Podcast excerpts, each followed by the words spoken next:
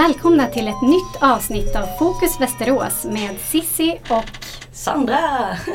Vi har tidigare jobbat tillsammans på den landsbygdsfokuserade tidningen Västmanlands Nyheter. Men efter att den gick i konkurs gör vi nu radioprogram tillsammans istället med fokus på Västerås stad och landsbygd. Jajamän, andra avsnittet. Känner mig Ja. ganska nöjd med början. Ja, Om jag får säga det själv och, och tuta lite i trumpeten. Ja, så det nu- är kul att vi är igång. men nu fortsätter vi och eh, med oss i studion idag så har vi Johan Krusefalk, äldreombudsman och Birgitta Hedén, ordförande i Äldrekommissionen. Och det är för att eh, Äldrenämnden nyligen tog ett beslut om att tillsätta en äldreombudsman och eh, en äldrekommission som ska utveckla äldreomsorgen i kommunen tillsammans med Mälardalens högskola. Eh, Välkomna hit! Tack. Tack, tack. Så jag tänkte höra med dig Johan, vad är dina uppgifter som äldreombudsman? Eh, Jag har tidigare varit koordinator för synpunkter och klagomål. Eh, Funnits som en ingång för människor som vill lämna klagomål och synpunkter på sina insatser inom äldreomsorgen men också omsorgen om personer med funktionsnedsättning. Jag är äldreombudsman men jag är också ombudsman för personer med funktionsnedsättning. Mm. Det säger jag varje gång. Och nu är det ju så att den här tjänsten har eh, ändrats lite, eller det har bytt liksom namn då till äldreombudsman istället för koordinator. Men är uppgifterna de samma i stort sett, eller hur ser det Ja, ut? ja och nej. I stort är uppgifterna de samma. Jag finns fortfarande där som en ingång för människor som vill lämna synpunkter och klagomål. Jag har också ett ansvar att tillsammans med kollegor följa upp insatser inom hemtjänst, äldreboende, omsorgen för funktionsnedsatta. Eh, och eh, sammanställa, analysera uppgifterna och rapportera till de som är ytterst ansvariga, våra nämnder. Nämnden för personer med funktionsnedsättning och äldrenämnden. Men det nya är ju kopplingen till äldrekommissionen som också har inrättats. Mm. Och just det, och det är där Birgitta Hedén kommer in för att hon är ordförande i den här kommissionen. Eh, och jag tänkte höra med dig Birgitta, vad är dina uppgifter då? Ja, mina uppgifter det är ju att tillsammans med sex andra personer vara västeråsarnas öron, ögon i vissa fall. Eh, vi ska alltså ta emot eh, synpunkter och funderingar, klagomål, förbättringsåtgärder som man utav en eller annan anledning inte eh, väljer att vända sig till staden med. Eh, och jag är då sammanhållande för kommissionen. För det är eh, många fler som är med i den här kommissionen, berättade du för mig. Ja, det är sex personer och det är representanter då från olika pensionärsorganisationer. Eh, vi har en representant från Demensföreningen och anhörigvårdarna. Och två personer som tidigare arbetat som chefer på olika ställen inom äldreomsorgen i Västerås stad. Vad är det för typ av klagomål som ni kan få? Eh, Johan, du som har suttit på posten ett tag. Ehm, Det kan vara till exempel maten på äldreboenden, att den inte är bra. ehm, Som exempel. Det kan vara en, en känsla av brist på medbestämmande också i frågor. Att jag får inte vara med och bestämma när jag vill upp, jag vill, när jag vill äta. Mm. Ehm, Det kan också handla om biståndsanläggning. Jag har sökt en insats och det tar jättelång tid innan jag får svar. Ehm, Det kan vara bemötande frågor, det kan vara trygghetslarm som inte fungerar. Det är många olika saker och tanken med att fånga upp det, det är ju att jobba systematiskt med att göra saker och ting bättre. Det, det är liksom grejen med det här. Mm. Ja. Men ni jobbar tillsammans också med Mälardalens högskola. Vad har de för roll i det här? Våran tanke eller det som kom ifrån nämnden i det här uppdraget det var att man, man ville ju på något sätt eh, validera det här projektet. För det är ett projekt på två år. Och eh, innan man överhuvudtaget fattar något beslut om eventuellt permanent eller förlängning så måste man ju följa upp det. Man måste mäta av mål, man måste se om det ger någon effekt. Så därför är då en forskare med från Mälardalens högskola som ska stötta oss i det här jobbet. Och det känns ju jätteskönt och bra tycker jag. För den kunskapen eh, om validering besitter inte alla vi i äldrekommissionen.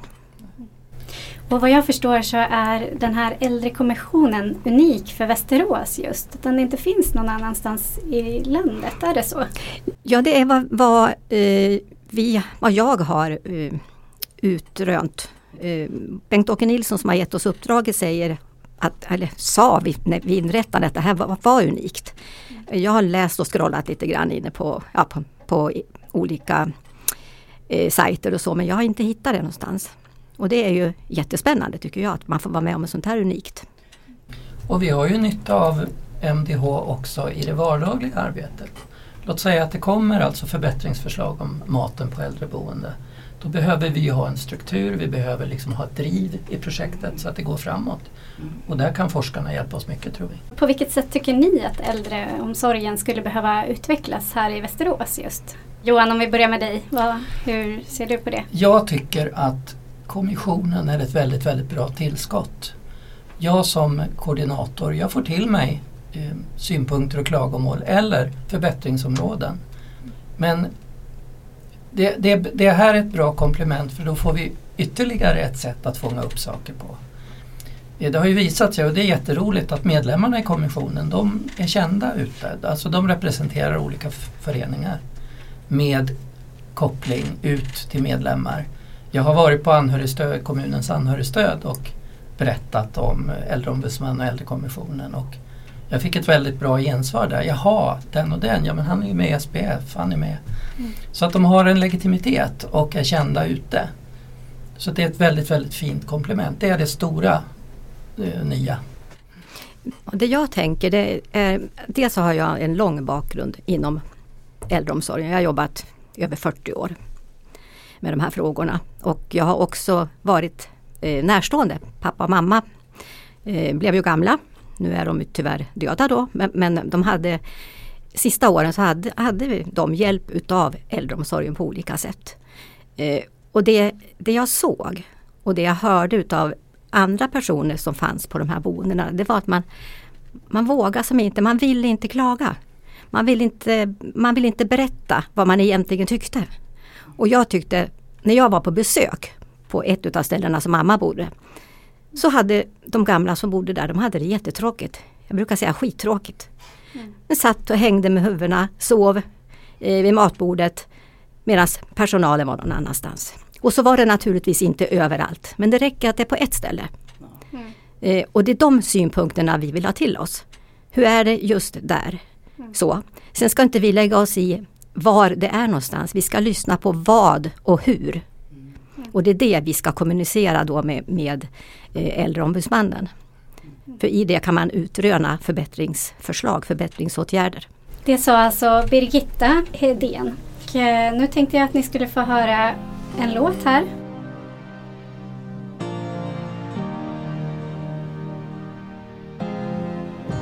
Talking loud, talking crazy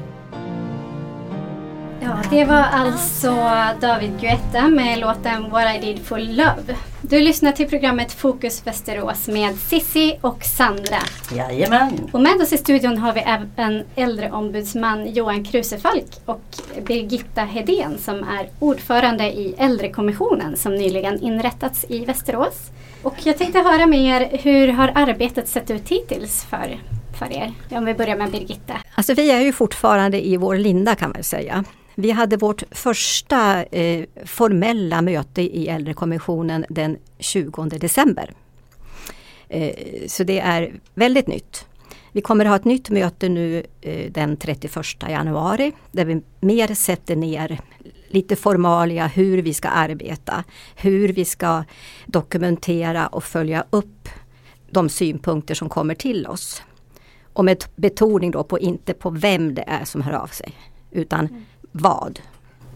Är det så att det är sekretess på det man förmedlar till er? Det är så att man ska kunna ringa till oss, kontakta oss via telefon eller mejl helt anonymt. Det finns en, en arbetsfördelning kan vi säga. Att jag som tjänsteman, jag jobbar inom Västerås stad. Mm. Jag skriver på sekretessavtal, jag har tillgång till våra dokumentationssystem. Mm. Så att jag kan ta hand om individärenden och föra dem vidare. Mm. Kommissionen pratar ju med människor och um, får säkert till sig synpunkter och klagomål. Men då får kommissionen lämna över individärendena till mig. Men man ska kunna vända sig till vem som helst. Men ska det hanteras vidare så är det jag som tjänsteman som får ta den biten. Sen är ehm, mycket handlar ju om det här förbättringsarbetet, att hitta större förbättringsområden och, och jobba strukturerat med som kan få genomslag inom hela Västerås. Det är ju en stor tanke med kommissionen. Hur många är det som har hört av sig till er hittills? Vi är i vår linda. Eh, vi har vårt, först, eller vårt andra möte 31 januari när vi får eh, samla om och hur man har hört av sig till oss. Jag har haft några telefonsamtal. Men inte då med, med fokus på synpunkt utan mer att vad bra, kommer det upp någonting om bemötande frågor så har jag och min kollega startat en, en, eh, ett företag och vi kan ha utbildning i det. Så det har varit väldigt luddiga saker så, men inte konkreta synpunkter på vården och omsorgen. Det har inte kommit än. Och Det finns ett värde i att vi har som en provmånad och sätter arbetsformerna. Så att vi har strukturerade arbetsformer och tar hand om saker sen. Gäller det både kommunala och privata aktörer eller vilka eh, instanser, vilka är det som man kan så att säga lämna klagomål på eller synpunkter på? Alla. Det, är det, ja. det har ingen, ingen betydelse utan det är västeråsarens väl och ve. Mm. Och om man råkar ha stöd och hjälp av någon privat utförare eller den kommunala e egna regin så, så har det ingen, ingen betydelse utan alla ska kunna vända sig till oss. Jag har själv kollat upp på IVO, Inspektionen för vård och omsorg, att antalet fall av missförhållanden inom äldreomsorgen i Västerås kommun enligt lex Sara inte har varit så många och de har även minskat de tre senaste åren. Eh, och eh, varje fall av missförhållande är ju ändå ett för mycket. Men tycker du Johan att den här statistiken från IVO ger en rättvis bild av verkligheten? Eller finns det ett stort mörkertal? Tror du? Det är svårt att svara på för det kan Du säger att det har varit en minskning och vi får utgå ifrån det att, det, att det ser ut så. Det kan bero på två saker. Dels att man faktiskt är bättre på att fånga upp missförhållandena. För en anmälan till IVO, det gör man med väldigt allvarliga missförhållanden. De flesta stannar innan. Så att man kan tro att det beror på att man kanske fångar upp missförhållandena på ett tidigare stadium och rättar till dem. Så att man inte behöver anmäla dem vidare.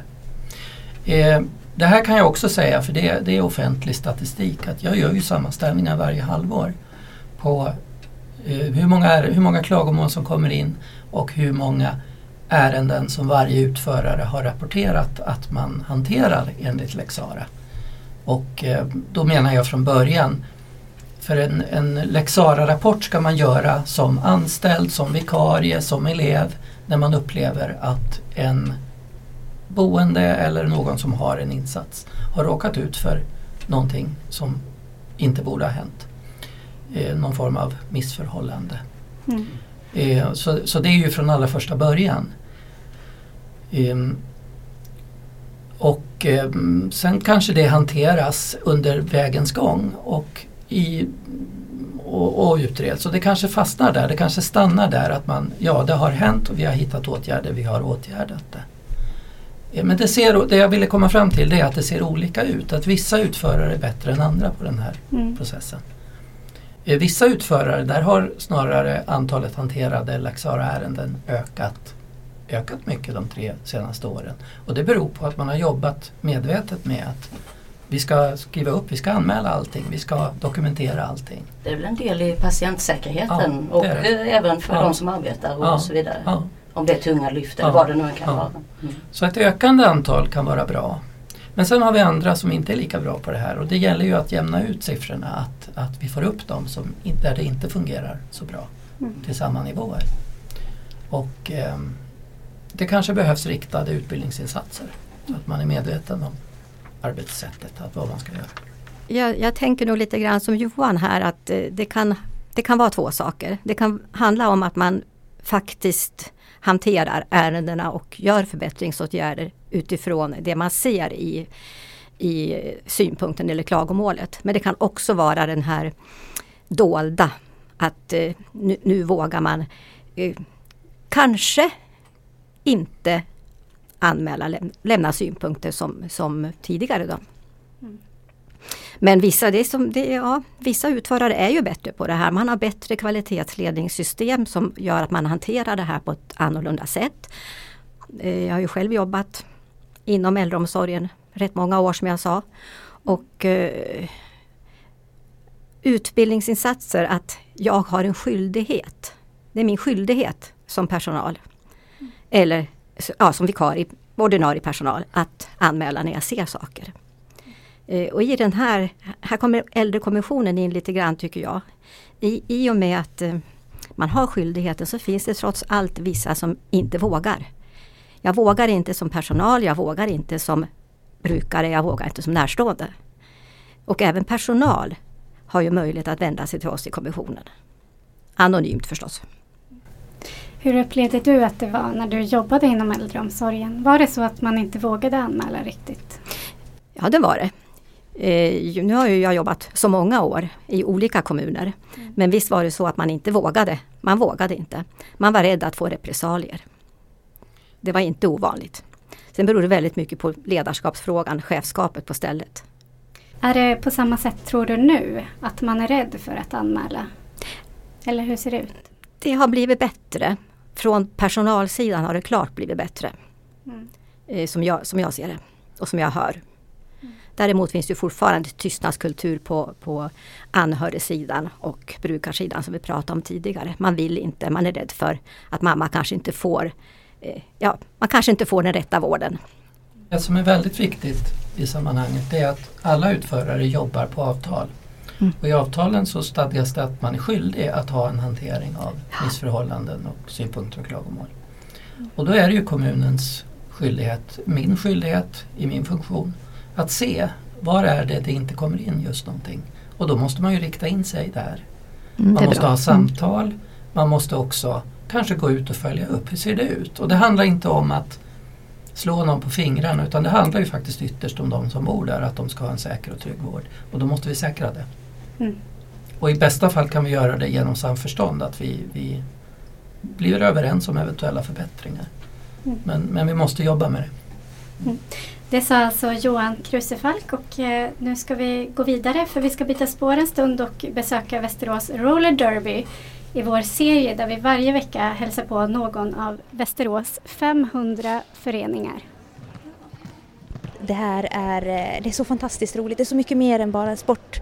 Eh, jag tycker att alla borde ge det en chans att testa för att man får eh, fantastiska vänner men man får också den här glädjen i att, att kunna nyttja sin kropp och göra saker utanför sin egen comfort zone som kanske känns läskigt till en början. Man växer så mycket av det. Det är en så himla familjär stämning. Det är väl en del i det. Vi tacklas hårt men där utanför, allt som händer utanför då är det som en enda stor familj. Så beskriver Conny Starfighter Romsten Roller Derby, en fullkontaktsport som spelas på rullskridskor med fyra hjul. I januari har föreningen Västerås Roller Derby haft ett par prova på-dagar. En av de som testade på sporten var Ian Nordin från Strömsholm. Just nu känns det väldigt bra. Lite svettigt under hjälmen men vristerna kommer nog att kännas imorgon gissar jag. Första varvet var jag livrädd och, och inte visste om jag skulle, men, men, när jag började hitta balansen sen så var det ju bara utmaningarna i träningen men, men det gick ju liksom ett steg i taget så det funkar jättebra. I våras startar Västerås Roller Derby ett nybörjarprogram där deltagarna lär sig grunderna i sporten för att senare kunna ingå i laget. För att kunna utöva sporten så behöver man ju en viss, eh, en viss grund att stå på, att kunna åka och stanna eh, säkert och så och, och veta att kroppen är redo för de, de bitarna. Så då kör vi ett nybörjarprogram. Man behöver inte veta eller kunna åka skridskor så utan då går vi igenom alla grunder, tränar på det så att man sen kan vara redo att börja, börja träna på själva eh, matchsituationer och den typen av saker och då kan man börja träna med laget som vi har här. Roller derby-matcher utkämpas på en plan bana som kallas track och det gäller att ta flest poäng för att vinna. Det är fem spelare i varje lag på banan. En av dem har en stjärna på hjälmen och kallas jammer. Det är jammern som motståndarlagets blockers ska hindra för att ta poäng. Och det är den positionen som Conny Ronsten tycker är roligast att spela det jag kan tycka är roligast är att vara blocker. Det vill säga att jag är med och stoppar den som har stjärnan. Eh, för då får man samarbeta som mest med sina lagkamrater och så ska man hela tiden ligga steget före.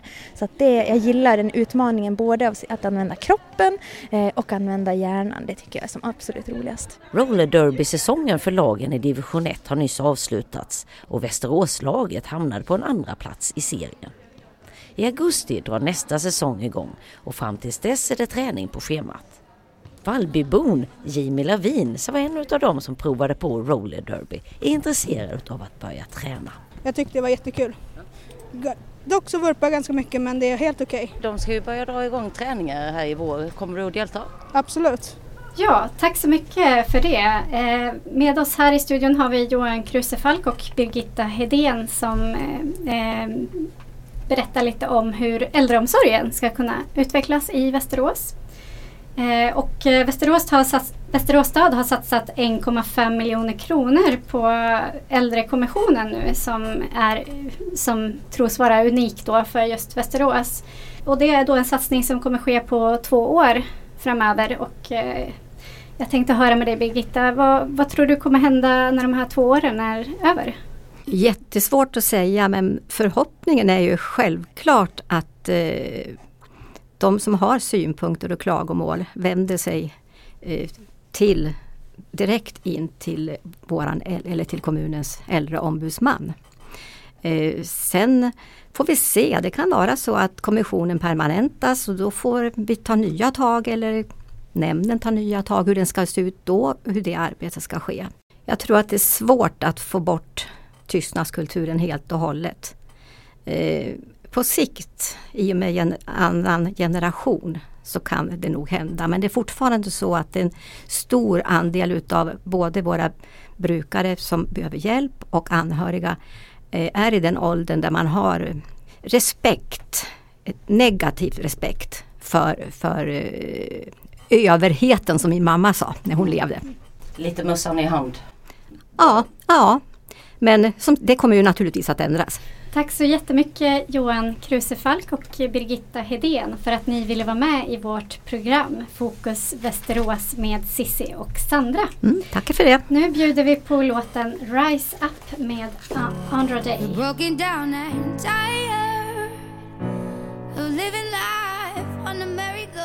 Ni har precis lyssnat till låten Rise Up med Andra Day. Det är jag som är Sissi och eh, nu ska vi avrunda programmet med veckans Västerås som är våra egna evenemangstips. Varsågod Sandra. Denna roliga programpunkt som jag själv ser väldigt mycket fram emot varje vecka. Vad händer ja. i Västerås? Jo, det ska jag berätta. På fredag den 24 januari då arrangerar Västmanlands musik en sopplunchkonsert med Sinfoniettans eh, musiker i Västerås konserthus. Då kan man avnjuta utav soppa och lyssna till musiker då från Symfoniettan som nu på fredag spelar eh, ett par stycken utav Wolfgang Amadeus Mozart. Det är, nu ska vi se hur skoltyskan är, Kegelstadt trio och pianokvartett i G. Och om man nu inte är så intresserad av klassisk musik så kan man på söndagar åka en tur med häst och vagn eller släde. Ja det finns ju inte så mycket snö så kanske släde är, det är borträknat. Men häst och vagn i alla fall runt museumrådet på Vallby friluftsmuseum. Och turerna startar där kring lanthandeln. Det viktigaste evenemanget har jag sparat till sist i alla fall för mig själv. Mm. Det är nämligen så att eh, på onsdag här nu den 22 januari då spelar Vik hemma igen. Har varit många bortamatcher. Men nu spelar de hemma mot Tingsryd. Och eh, det ska bli eh, kul. Ja, att, du är ju en riktig hockeyfantast, det har jag ju förstått. Ja, det är, vi älskar gul, gulsvart, det är färgerna. Jag eh, slog vad här med mina hockeyfantaster att eh, Vinner Vik fem vinster i rad så ska jag bada i Mälaren. Så att eh, jag mm. håller eh, tummarna för att det blir en vinst även på onsdag. Ja, då får vi se hur det blir med det. Då får jag tacka dig så mycket Sandra för veckans Västerås, våra egna evenemangstips. Det var allt för oss denna vecka i Fokus Västerås med Sissi och Sandra. Repriserna på programmet sänds på måndagar klockan 12 samt klockan 18. Men även på onsdag klockan 10 och 30. Vi finns även på Facebook, Fokus Västerås med Sissi och Sandra. Så gå gärna in och gilla oss där. Ett nytt avsnitt hör du på måndag den 27 januari klockan 7.15.